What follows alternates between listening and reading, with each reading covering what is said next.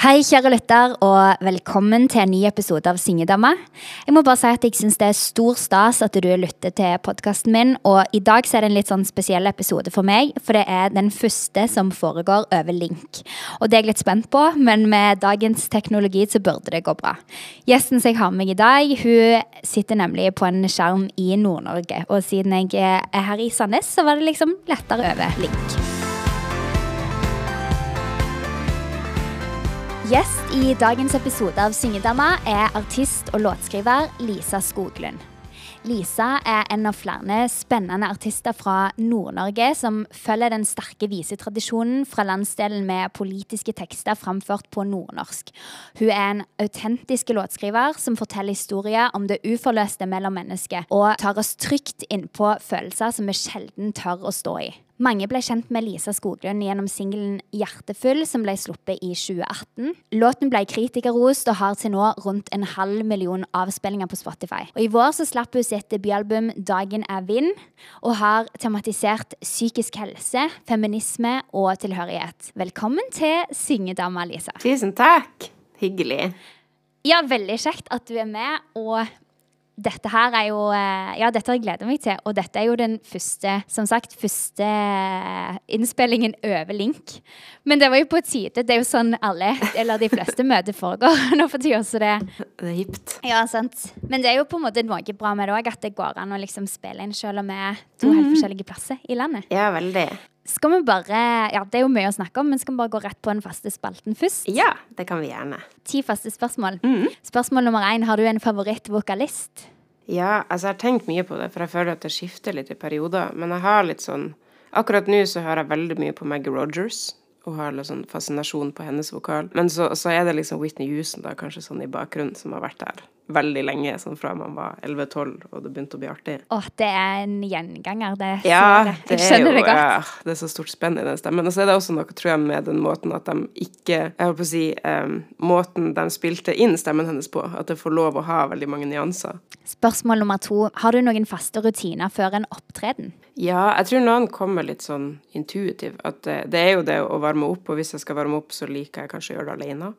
Så det å trekke seg litt unna og synge litt, og kanskje få meditert litt også, og så lande i kroppen. Ok, Spørsmål nummer tre. Har du noen faste rutiner på kontoret? Ja, jeg tror jeg hadde en sånn idé før. Jeg husker da, da jeg bodde i Oslo og gikk på NIS og sånn, at det var en sånn der eh, For det er så mange sitater rundt det der at sånn Ja, nei, du må møte opp på jobb og bare være der, liksom. Og særlig med kreativt arbeid. At sånn Ja, men møt opp og vær der i, i fem timer og se hva som skjer. Og det husker jeg at jeg gjorde en del der, og da, det funka for så vidt Jeg vet ikke helt hvordan det funka, helt OK. Men så etter hvert så har jeg på en måte skjønt at for meg så handler det veldig om sånn om dagsform, og så stole på meg sjøl, at jeg kjenner meg sjøl best den dagen. Sånn at det å våkne og være litt sånn fleksibel på sånn Er det her en dag jeg har lyst til å skrive? Er det en dag som passer til struktur?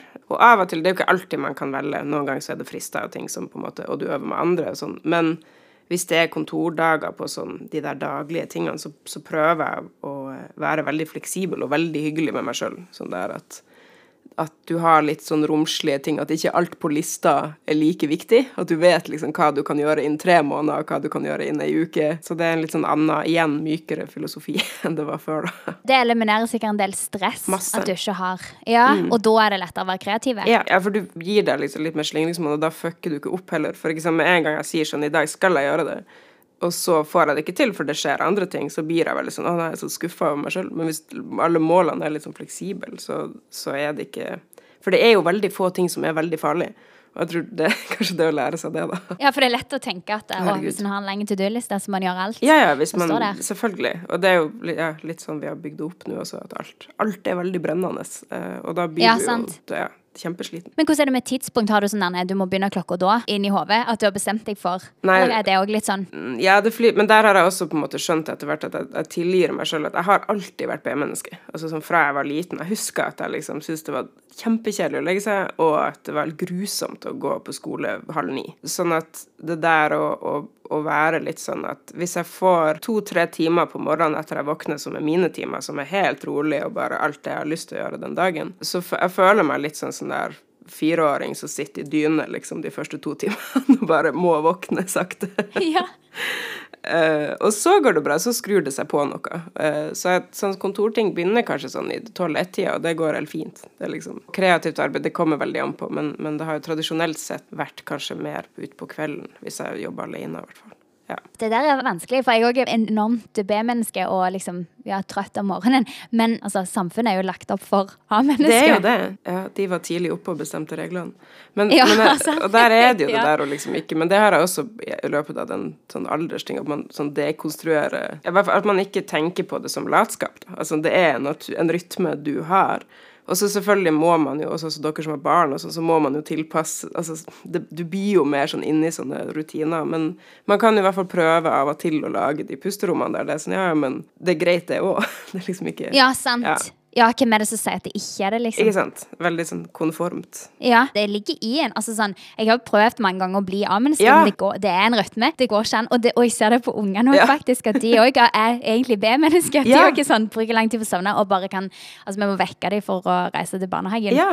Det er kanskje litt sånn dårlig gjort å si, for det er mange som sliter med helt motsatt. At det er alltid altfor tidlig. Men, eh, men, det er jo helt tydelig at det er en rytme. Altså, ja, man er, man er forskjellig. Eh, og det er jo ja, sånn at jo mer fleksibelt man kunne lagt opp. Og det, tror, jeg det er jo veldig spennende med fremtida å se om man liksom klarer å bygge det litt mer individuelt, liksom, der og, her og der, for å se om, om du faktisk For jeg tror liksom at opp igjennom Nå gikk det helt greit på skolen, da, men sånn, jeg tror at mange barn, hvis du hadde gitt dem en time så hadde de egentlig hatt det veldig mye kulere, liksom.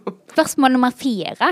Hva er det som inspirerer deg til å skrive og synge? Ja, det er et godt spørsmål. Jeg tror For meg har det alltid vært en slags sånn Det, det føles ut som en sånn indre kraft, eller kraft utenfra. Sånn at jeg jeg syns det er veldig vanskelig å vite helt hvorfor jeg gjør det jeg gjør. Det gir meg jo helt åpenlyst noe, fordi at jeg, det er veldig sånn lystbetont at, at jeg blir glad av det, og det gir mening. Men det å pinpointe liksom sånn akkurat hvorfor Nei, det, ja, det, det går litt i bølger. Men, men, det gir bare enormt mening, og så gir det mye mer mening enn veldig mye annet. Og så liker jeg kanskje det elementet av at man ikke helt klarer å putte fingeren på det. Og det er litt det samme med når du skriver 'hvorfor blir den sangen veldig bra', og den sangen veldig dårlig', og alt, så vet du ikke helt hvorfor.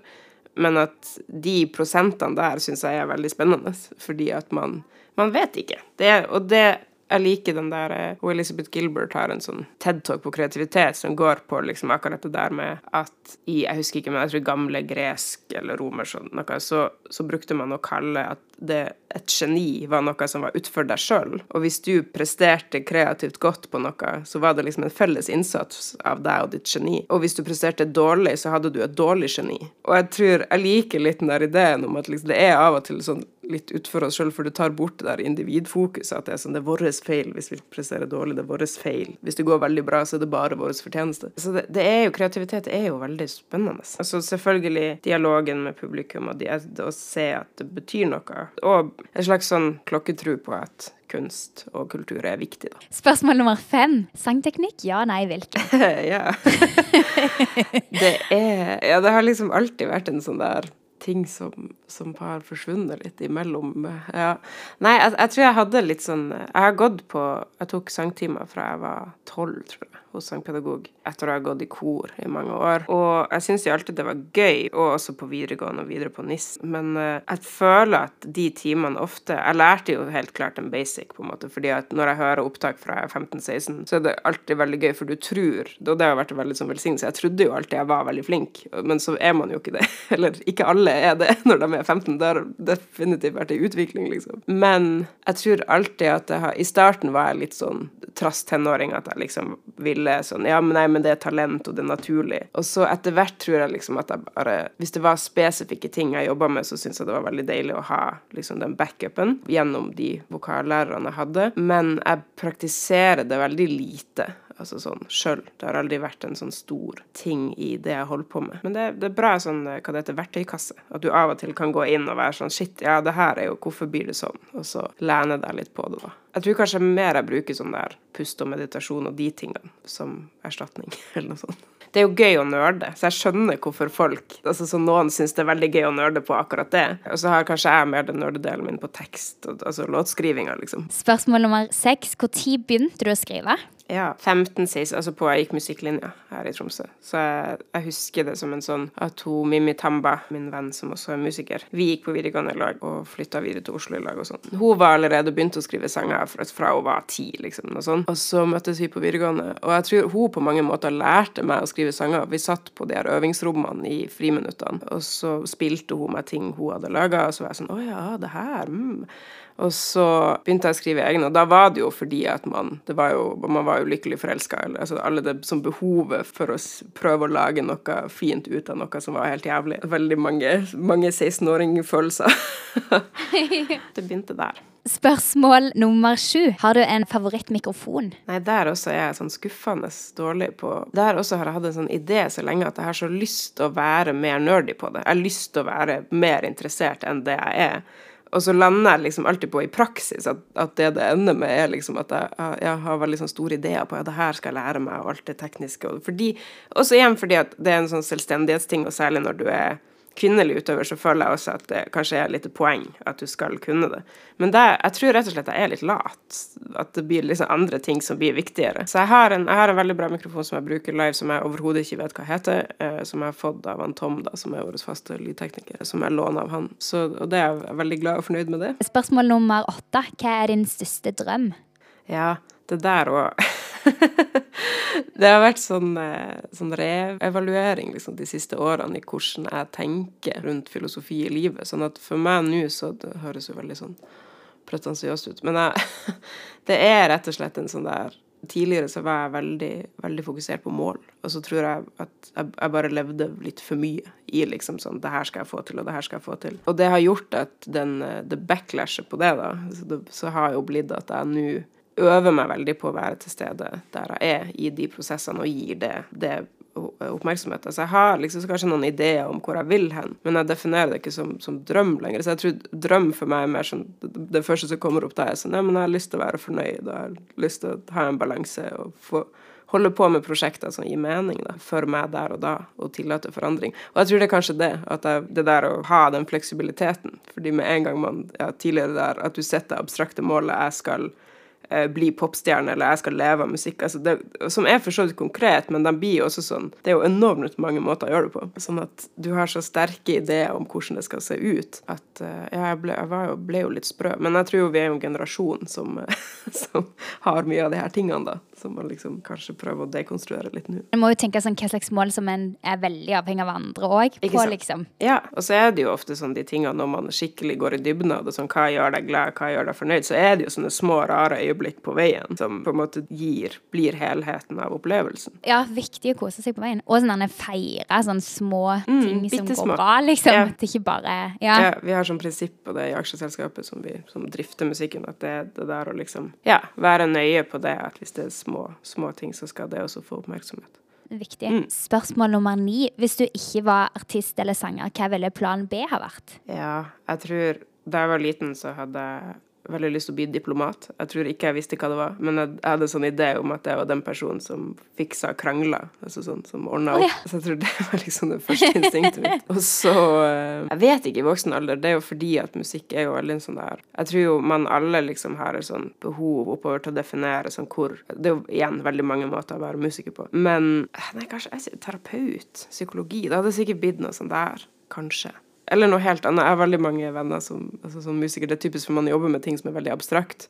Og så blir man sånn Å, herregud, det er så abstrakt. Jeg har bare lyst til å være håndverker. Jeg har lyst til å lage en konkret ting, eller være bonde. Altså sånn gjøre veldig konkrete ting, og så er den konkrete tingen ferdig, i stedet for å ha treårsprosjekter som du bare som flyter og flyter og flyter. Så kanskje det hadde vært noe sånn som en motvekt. Men eh, nei, hvem vet. Jeg vet ikke om du kjenner på det, men det der Og av og til så skulle en ønske at en hadde en jobb som var litt lettere å forklare ja, ja, til andre. Ja, og også der folk ikke Ja, den der evighet Vi kan prate mer om det som en verdisetning. For jeg bruker å si at sånn, det å være musiker er en veldig sånn Folk syns det er veldig kult og hipt, men de har ikke nødvendigvis respekt for det på nei, nei, nei. grunn av liksom, samfunnet og hvordan det legges opp, og alt det image som er rundt kunst og kultur. Da. Sånn at det der og at det er sånn Ja, det er veldig spennende men så blir det sånn Men hva du lever av? Som alltid kommer. liksom. Ja, ja alltid. Ja, du kan ikke leve av det. Nei, og så blir, er det liksom Folk vil ikke slappe av før du på en måte nevner et eller annet som er, er kjent, da. Uansett hva det er. Og også hvis det er ikke sånn som nå, lever jeg faktisk fulltid av skriving, men da er det også sånn Da må jeg gå tilbake og forklare sånn Sånn, ja, men har du alltid gjort det? Jeg bare, nei, jeg har undervist, og jeg har gjort litt forskjellig sånn oppe, jeg gjør forskjellige ting, og da er det greit. ja, da er det greit. Ja, vet det. spørsmål nummer ti, siste spørsmål. Har du noen tanker rundt eh, tituleringen syngedame? ja. Jeg tror aldri jeg har blitt kalt det. Altså sånn, jeg, jeg føler at i min levetid så Eller jeg vet jo at det, for, det finnes jo fortsatt tusen sånne typer fordommer, det er jo helt klart. Men jeg har i hvert fall aldri fått slengt det i trynet sånn som jeg husker. Så jeg tror jo liksom at jeg hadde reagert ganske negativt.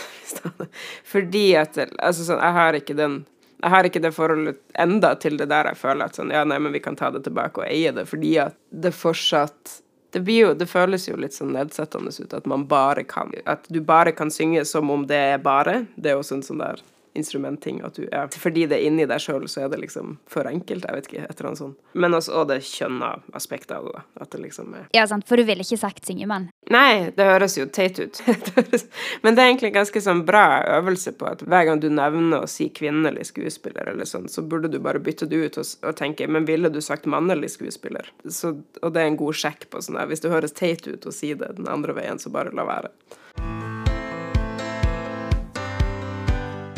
Aller først så tenkte jeg på å skulle satt spørsmål som kom på Instagram. Ja, så bra. Det er gøy. Ja, For nå hadde jeg jo lagt ut en post om at du skulle være gjest, ja. og om noen hadde noen spørsmål. Så kom det rett om eh, hvordan er det å skrive musikk der som du bor nå, kontra når du bodde i Oslo? Oi, det er et godt spørsmål. Jeg tror at det valget om å flytte tilbake hit For det første så tok jeg egentlig ikke det valget. Jeg dro tilbake fordi jeg trengte en forandring. Og så tenkte jeg egentlig bare at jeg skulle være her en stund før jeg dro videre til Og så hadde jeg en sånn idé om København eller London eller noe sånt. Men så, at når jeg, jeg, kom hjem, så var det Det ene tok det andre, da. Det var liksom nok å gjøre, og nok folk jeg ville jobbe med, og at jeg følte sånn Å ja, OK, men det går jo faktisk an å, å være kulturutøver her oppe. Og så ble det etter hvert litt mer som et poeng at liksom sånn Ja, men nei, men jeg vil være her. Jeg vil bidra til det kretsløpet som er her oppe, økosystemet av kulturfolk, og jeg vil på en måte skape verdier her oppe i stedet for i Oslo. Men det å skrive, selve skrivinga, tror jeg at Jeg var jo Da jeg flytta til Oslo, var jeg 1920 og bodde der til 24-25 og sånn. Og det er jo en veldig sånn annen livsfase enn det som jeg er i nå, da. Så jeg tror på en måte det er vanskelig å sammenligne fordi man har utvikla seg mye, da, som jeg kanskje tror hadde skjedd uansett. Men noe av fordelen min og grunnen til å flytte nord igjen, var jo å være mer i kontakt med natur. For det jeg liker med Tromsø veldig spesifikt, er den der følelsen av at du har Det er en by med 85 000 og sånn innbyggere, sånn at det, det er jo en del mye folk, liksom, og mye som skjer. Men du kan også veldig fort være helt alene. Hvis du går en tur liksom, og bare kommer deg bitte litt ut, eller nesten til og med bare på en måte på øya, så finner du steder der himmelen er veldig stor, og du er, det er veldig enkelt å tenke, da. Og det tror jeg var veldig sånn dårlig på i Oslo. At, men igjen også alder. Jeg var kanskje mer interessert i å ha et veld, veldig mange sosiale ting og drikke øl, så det er jo litt sånn ja. igjen annen fase. Men skrivinga med Oslo Jeg setter også pris det der å gå på NIS, som nå heter Westerdals. Det at vi hadde de Jeg husker at jeg likte veldig godt det å ha de øvingsrommene tilgjengelig. Jeg tror mye av min sånn lære i låtskriving ble tidlig lagt der, fordi at du booka tid der, og så satt jeg nå med det pianoet, da på en måte, og skrev og skrev og skrev. Og det, bare det å ha det tilgjengelig, på en måte, og etter hvert også band og de andre musikerne, var jo en veldig sånn Det la jo grunnlaget for alt det jeg holder på med nå. Det var en annen fase. Altså, Oslo på sitt beste var jo helt fantastisk, og det handla mye om folkene som bodde der. Og jo lenger jeg var der, jo bedre hadde jeg det. Men Oslo for meg, i de periodene som kommer i livet, som alltid kommer i livet, som er tøff, så ga det meg veldig lite. Det var en vanskelig by å ha det tøft i. Jeg begynte jo låtskrivinga mi alene. Altså jeg skrev eh, på en måte Det var sånn 2008-2010, altså sånn singer-songwriter-bølgen, da, med sånn eh, med kassegitar. Så jeg var veldig inspirert av sånn Ane Brun og Damon Rice. Og så hadde jeg ett band her i Troms etter hvert, og da skrev vi litt i lag. Da var jeg kanskje 18 18-19. Da hadde jeg en produsenttype som jeg jobba ganske tett med en stund. Flytta til Oslo, fikk band der ganske fort. Da tror jeg det var veldig den at jeg skrev låten, og så tok jeg dem med på øvingslokalet, hvis jeg husker riktig. Håper at det var det som skjedde. Og så kanskje etter hvert vi løsna litt opp på det, at de begynte å komme med ting. Nå så har vi også hatt det sånn i Tromsø, så det bandet jeg jobber med nå, vi er veldig tett og ganske sånn demokratisk. Sånn at det kom et sånn punkt i prosjektene mine der jeg Jo, det hadde starta i 20, 2017, så 16-17, så lagde jeg en EP med en produsent i Bodan, Are. Og det var første gang For da, til da så hadde jeg Da kom jeg fra Oslo, og så hadde vi på en måte vært ganske mange folk som på en måte var i det bandet rundt musikken min. Også når man er yngre, så jeg husker den der den balansegangen, at man hele tida skal ha eierforhold til sine sanger, men samtidig så må du invitere andre inn på det de kan best. Og så er det jo supervanskelig å finne ikke sant, den hvor mye av deg, og hvor mange sterke meninger, og hva er det du egentlig ikke Som er så farlig for deg, der det er helt fint at andre går inn. Men det var første gang jeg, var vel et år år frem og tilbake og jobba med Are, og det var veldig deilig, for vi var bare to. Så det var veldig mye plass for meg eh, å på en måte lage, og da kom annet Hjertefyll, da. Og så fikk jeg det bandet som jeg fortsatt har nå, og vi har også jobba litt, litt forskjellig fra sang til sang der man på en måte gjør noe veldig kollektivt. Og nå er vi i kreativ kjerne på tre det siste året. Det er kanskje det tetteste som jeg har jobba med noen før, der man på en måte Der er jo hovedansvarlig for tekst og de type tingene, men det er veldig sånn nære diskusjoner på hva det skal være. Og det å backe hverandre opp eller, på ideer, og på, sånn at man kan sitte i samme rom, eller man kan sende hverandre ting og være sånn Shit, hva, det, hva med det her? Hva med det her? Ved siden av det så har jeg fortsatt den greia der jeg skriver alene. Sånn at det er liksom det er todelt. Så jeg lager fortsatt musikk som kommer i drypp, og det er jo kanskje mer den der veldig sånn Den som er drevet av et behov for å si noe. At det har skjedd noe, jeg må gjøre det om til noe annet. Og den skjer egentlig, har alltid skjedd hele tida ved siden av, da. Og så har det bare vært litt forskjellige prosesser på da hva som er å ta med inn til noen andre og, og arrangere det, og hva som er på en måte der du rett og slett bygger en låt fra bunn sammen med noen. Det, for det er veldig forskjellige prosesser. Og jeg liker begge. Jeg syns det sånn Det er veldig givende å jobbe tett med andre fordi at man har forskjellige styrker da, som man tar med seg inn. Men så er det også veldig deilig å ha det rommet der du er helt alene, og det er liksom bare ditt, da det du skal si. Da kommer du stort sett alltid ut ifra noe som du skal skrive om. Du har det klart for deg først, hva du skal skrive om. Jeg skriver opp eh, Ja, apropos metodikk. Jeg skriver Det har jeg hatt gående lenge. Jeg husker ikke hvem som fortalte meg at jeg skulle gjøre det. Jeg føler at det er På NIS så var de kjempeflinke å hente inn. Jeg hørte de hadde f.eks. Odd Nordstoga da jeg gikk der, og Anne Grete Preus, Maja Ratche, altså på sånne foredrag. Og da husker jeg Det er en av dem det kan sikkert kanskje være Anne til Preus. Men det der å skrive opp i løpet av en dag, altså hver gang du ser et ord eller en setning eller noe du blir inspirert av, så skriver det opp på, jeg skriver det opp på mobilen min. Sånn at når jeg da setter meg ned og skal jobbe, så har jeg et ganske godt grunnlag. Og veldig ofte så er det jo hvis det er et tema eller ting du er opptatt av i den perioden, så reflekteres jo det i de notatene. Og da er det liksom Å ja, OK, det her er en sånn sang. Men også det siste året så har vi Eller å, det er sikkert flere enn et år å bare bruke det begrepet. Til tid har blitt litt sånn abstrakt. Men jeg har vært veldig opptatt det siste av fonetikk og det der at du hvordan Der du av og til rett og slett bruker lyden av ordene og lar det nesten være ledende for hva du skriver. Og så legger du kanskje inn ei eller to setninger som er veldig sånn hard-hitting på at alle kjenner seg igjen i det, og at det gir sånn supermening og det treffer. Men når du lar det være abstrakt, så er det veldig interessant, for folk legger i større grad sine egne historier inn. Og det har vært veldig fint å se, for det er jo og igjen også det å la noe være opp til tilfeldighetene eller den energien man ikke helt vet hva er. Fordi at det er jo absolutt betydning der, men det trenger ikke alltid å være sånn supertydelig. Altså på hva, hva det skal være, hva det betyr. Og kanskje særlig på norsk. For det er et litt sånn vanskelig språk å jobbe med av og til, på de tingene.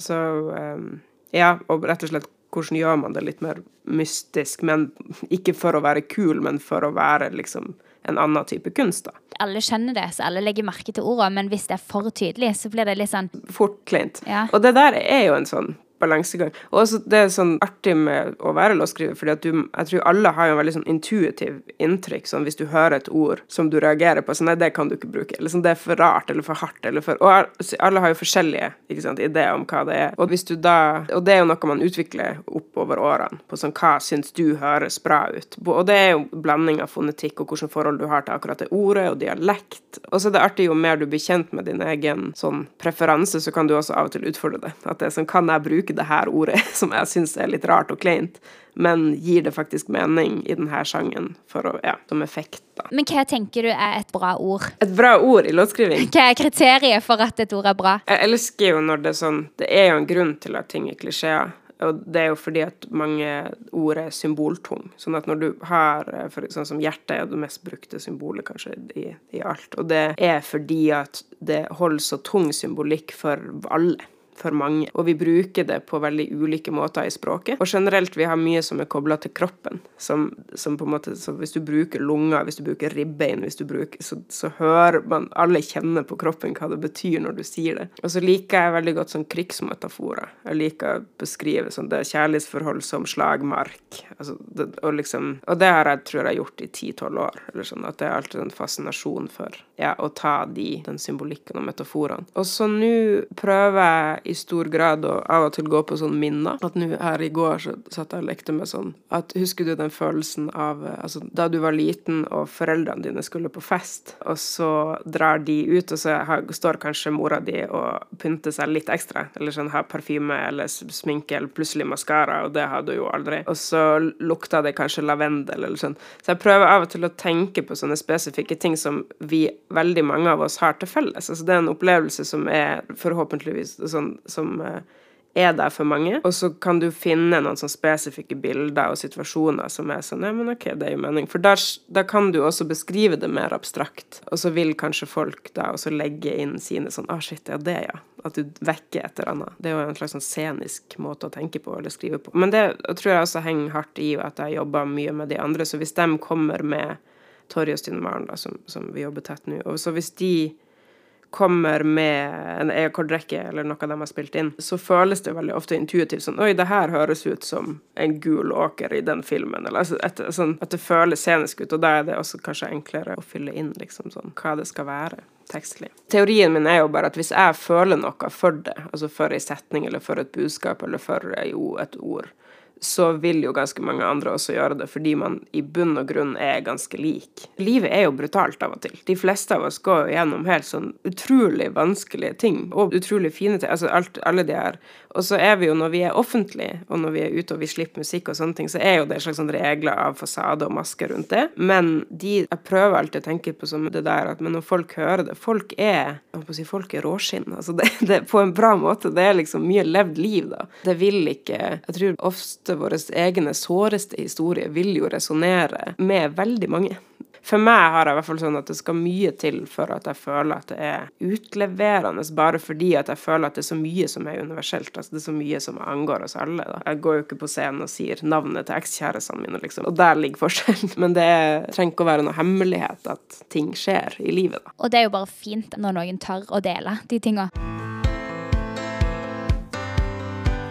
Vi er jo ei sånn uh, sårbar gruppe på mange måter. Og jeg tror det ble ganske tydelig på hvordan vi organiserer oss. altså sånn Det å være enkeltpersonsforetak og ikke være ansatt i ting. Og veldig mange fikk jo kjenne på den, og fortsatt kjenne på den. Hvor mye sikkerhet har du egentlig som utøver, da? Og så var det litt flaks ut ifra hvilket år du hadde hatt. Hadde du vært på turné og tjent penger det, de årene de regna ut ifra, eller hadde du hatt skriveår der du ikke har fått inn så mye Altså igjen så er det jo en del systemer som ikke passer så bra da, til det man holder på med som kulturaktør. Det gjelder jo ikke bare musikere, det er jo litt bredere. Og jeg føler at for meg var det litt sånn behagelig å Altså det å ha de samtalene da, med eh, kollegaer rundt omkring i hele landet, at man Det å prate om det og trekke det frem i lyset systematisk, hva funker, hva funker ikke, er mye bedre enn at alle liksom sitter på hver sin haug, og ingen helt vet hva hverandre tjener, ingen helt vet hvordan folk organiserer seg sjøl. Og det å faktisk se de samtalene man har med sånn uh, kulturgruppe Unge lovende, som er sånn kvinnenettverk. Ja, stemmer. Ja, og liksom følge med på sånne diskusjoner der folk deler ganske åpenhjertig og hvordan, hva funker, hva funker ikke. Og det at det blir en mer sånn kollektiv ting, i stedet for at alle Og det er jo den der myten om Altså fordi det liksom er et sånn vanskelig yrke, eller at du tenker at det ikke er plass til alle, så her, har man altså sånn Jeg tror i det, i hvert fall i den æraen jeg har vokst opp og blitt musiker, at den konkurransen blir så sterk at du tenker at ja, men hvis jeg, jeg må liksom gjøre min greie, og jeg kan ikke dele de her tingene med andre, fordi at da kanskje noen andre kommer foran meg altså Det blir sånn utrolig merkelig idé på hva det egentlig er man holder på med, som også knytter inn en del sånn feministisk sett, at, at det bare kan være én på topp hele tida når du er dame, for det er så få. Men så for meg så var det det var et år der jeg tror jeg har hatt utrolig mange fine, ærlige, åpne samtaler med folk rundt, altså med vennene mine og, og folk som jobber i de her tingene. Og så syns jeg Creo har gjort en veldig fin jobb. Det, her, det der å være liksom veldig på og forhandle, og det er jo vanskelig. Og NOPA og så alle de her organisasjonene. Og for meg er det egentlig bare sånn Jeg kom til eh, Jeg var, hadde jo kjempeflaks, for jeg fikk, eh, jeg fikk kunststipend i fjor. Så jeg, jeg Ja. fikk skrivestipend for å Fantastisk. Ja, det var helt nydelig. Og da fikk jeg jo også reflektert litt på det, for det, for meg føltes jo det ut som en sånn utpust. At du på en måte sånn åh, OK. Ah, greit. Og det er jo Hvordan skal man formulere det riktig? Vi har jo vokst opp sånn, ikke sant, når internett kom, så det fine i det var jo at det, ikke sant, det ble Vi er jo en æra der alle kan gi ut mye, og på en måte man kan gjøre mye sjøl. Men det ble også et slags sånn krav om at sånn alle de her rollene du skal ha da, som musiker og som artist. Altså, du skal gjøre veldig mye sjøl før det på en måte setter inn et system. Ikke alle, for det er jo veldig mye forskjellige veier da, for det her. Men, og for meg tror jeg det å, som sånn flink pike 19 år, så slukte jeg jo de ideene. Liksom at sånn, ja, men jeg, greit, jeg kan gjøre alt. Jeg kan lære meg markedsføring, jeg kan eh, på en måte, jeg er god med presseting, jeg kan ordne bilder, altså, og det til slutt endte jo i en slags sånn utbrenthet rett før pandemien starta, eh, der det på en måte av mange grunner toppa seg fordi det var et tankesett som funka veldig dårlig for meg. Og jeg har de siste fem-seks årene så har jeg absolutt tatt steg mot et sted der jeg skjønner at sånn, hva er min rolle, og hva trenger andre folk til å gjøre. Men så ble det sånn at det har kanskje bare blitt enda mer tydelig og radikalt etter pandemi at det er sånn OK, men min Hvis jeg skal gjøre en god jobb på det jeg er god på, så er jeg avhengig av de her og de her og de her folkene som gjør sin jobb, fordi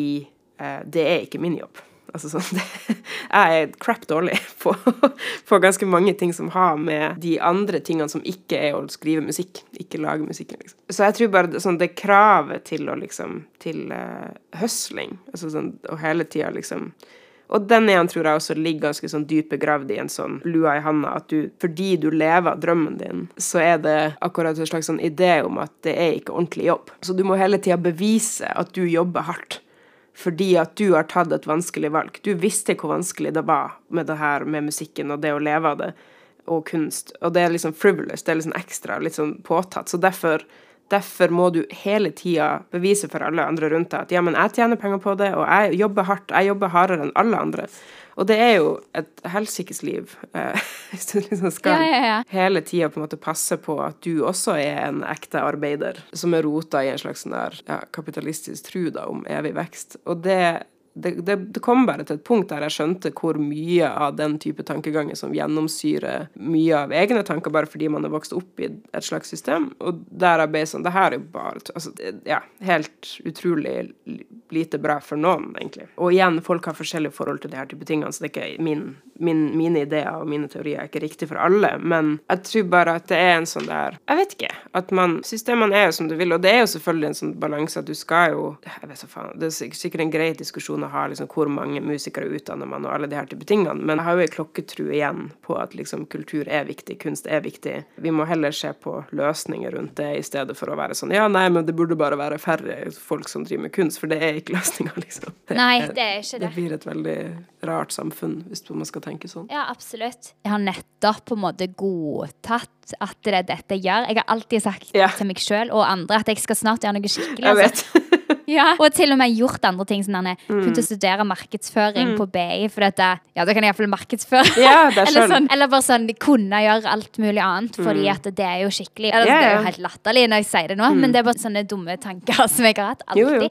Så bare endelig godkjent det. Men så føler jeg fortsatt litt på Jeg prøver å slå det fra meg og tenke Men jeg føler litt at det fortsatt må liksom bevises at eh, ja, men det går an å jobbe med dette. Ja, yeah. Det er jo hard jobbing, men det, er ikke, det er ikke et eh, respektert.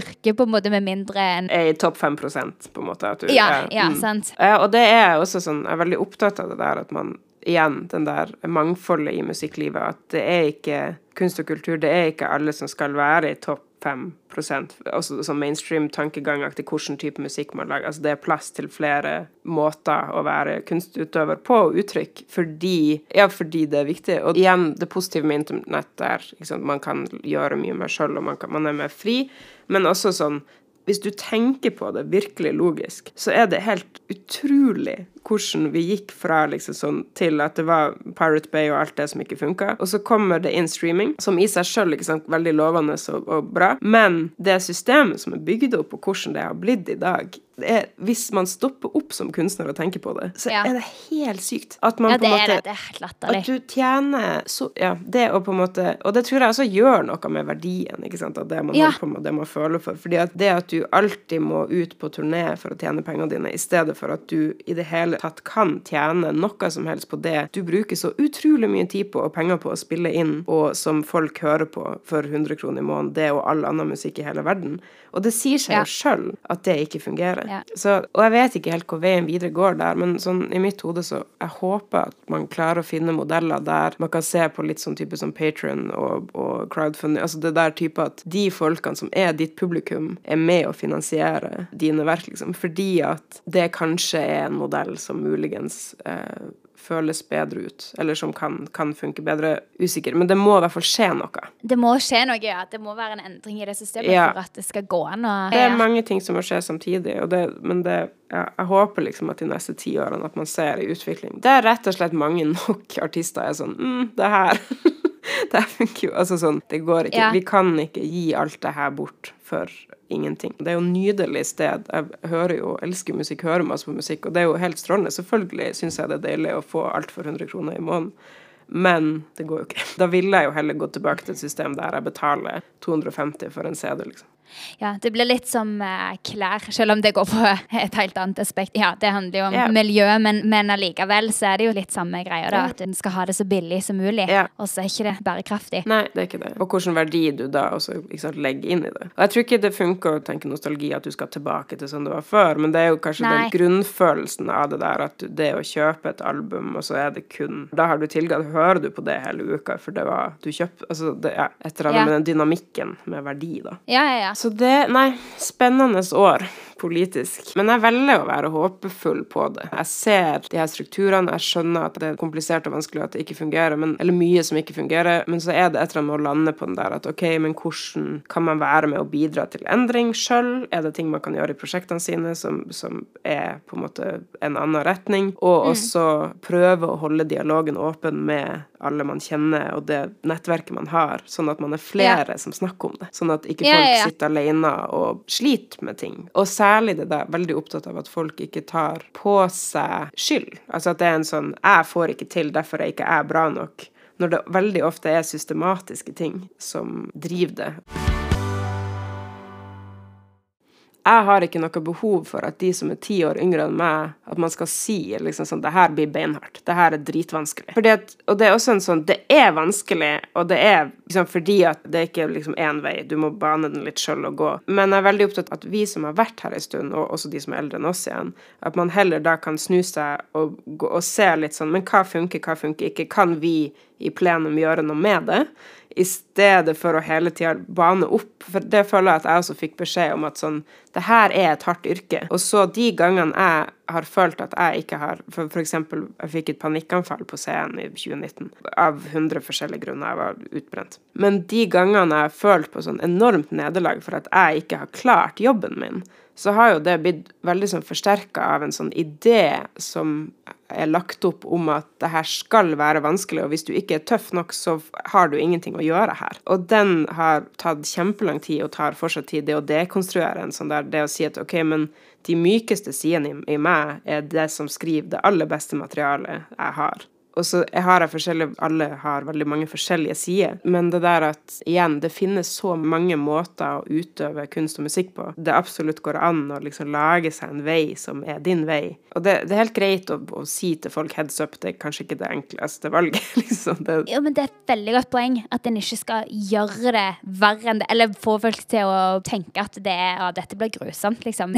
ja, vi som gruppe er så, igjen det der så opptatt av at det er så hardt fordi at vi har ja. blitt fortalt fortalt at det ikke er en ordentlig jobb. Og det er jo en ordentlig jobb, fordi både jeg og du har jo gjort det her i 15 år nå. Sånn at det er jo helt Ja. klart en jobb. Ja, absolutt. Det er to ting. Liksom. Det der med at andre ikke skal fortelle deg at det ikke er bra nok, eller at det liksom Ja, at ikke andre skal sette en stopper for deg, men òg at, og at en ikke skal tenke at det, hvis ingen tar tak i det, så er det ikke Nei, ikke sant, Så så er det ikke verdt noe. Nei, for det er Nei, det ulike Det er alt fra timing til materiale til hvor du er hen. Er du klar? Altså, sånn at Ja, ja, ja. de prosessene er lang. De er kjempelange, Ja. liksom. Det er synd hvis mange tenker at det gikk ikke nå, eller jeg kom, noen sa at det ikke var bra nok, så da slutter de med det. Det blir mange nei. Det trenger ikke bli helt forferdelig grusomt, men det kommer til å bli mange nei. For veldig mange av oss så tror jeg ikke sånn Når jeg tenker tilbake, så er det Jeg har selvfølgelig høydepunkter her og der og sånne ting, men, men det er liksom ikke den der greia med ett definerende øyeblikk. Og det er det jo for noen. Og veldig ofte de sensasjonshistoriene er jo basert på det, fordi vår kultur er obsesst med sensasjonshistorie og det ene øyeblikket. Men det er jo et sånn sammensurium av levd liv og ulike frem og tilbake, opp og ned, og som til slutt har blitt noe. Og jeg leste nettopp en bok av Brinny Brown, hvis du kjenner til. Ja, og jeg elsker henne. Å, herregud. Ja, Ja, nydelig. Ja, og da skrev jeg om den der eh, med prosessen med å liksom Eller det, eh, hva kalte det? Det vanskelige midtpartiet. Ja. At det, det går ikke an å hoppe over midtpartiet, uansett Nei. hva slags prosess du er i. Og den er alltid ganske tung. Sånn. Hvis du har et seminar og det er tre dager, så er det alltid den andre dagen tyngst. Og sånn er det jo litt her òg, men, men en hører sjelden historier om når en er i det midtpartiet. Mm. Sånn, nå er det ganske vanskelig. Og det har fortsatt ikke gått kanskje akkurat der jeg vil, men nå er det sånn. Yeah. En hører alltid sånn Ja, og så yeah. sleit jeg i noen år, og så nå er det helt fantastisk. Eller Vi er veldig gode på sånn yeah. løsningshopp. Også fordi at mange yeah. av oss tør jo ikke å dele når det er tøft. Og, og det, jeg skjønner det også, for det er kulturelt belagt også. Men, Ja, det er det. men det blir Jeg vet ikke, jeg føler at det går liksom litt i bedre retning. Men jeg tror i hvert fall at vi, vi igjen som den kulturen som synes er som er mest prominent i landet, at man har en lang vei å gå på å snakke om altså definisjonen av suksess. Da. Altså hva, hva er det du vil? Hva er målet ditt? Men der igjen også, folk er forskjellige. kulturaktør er jo også å bli veldig ofte oppslukt av det man holder på med. Det er greit, det er viktig at man brenner ofte lite penger som man jobber på overtid, men det å også være sånn Det skal også være plass til livet. Du, Ja, sant. hvis du vil ha barn, så gjør du det. Hvis du Altså, du må Ja, det må være fleksibelt nok, og du av og til blir man sjuk, og av og til blir man uh, Alt livet skjer hele tida, og det her er ved siden av å være noe vi brenner for og viktig for oss, så er det også en jobb. Og det å liksom lage seg noen sånne strukturer som rett og slett går på at ja, vi elsker jobben vår, uh, og det er også en jobb uh, som av og til er dritt, og av og til er dritfint. Og, altså, ja. Av og til er det dårlige dager. Det er det i alle jobber. og det er det.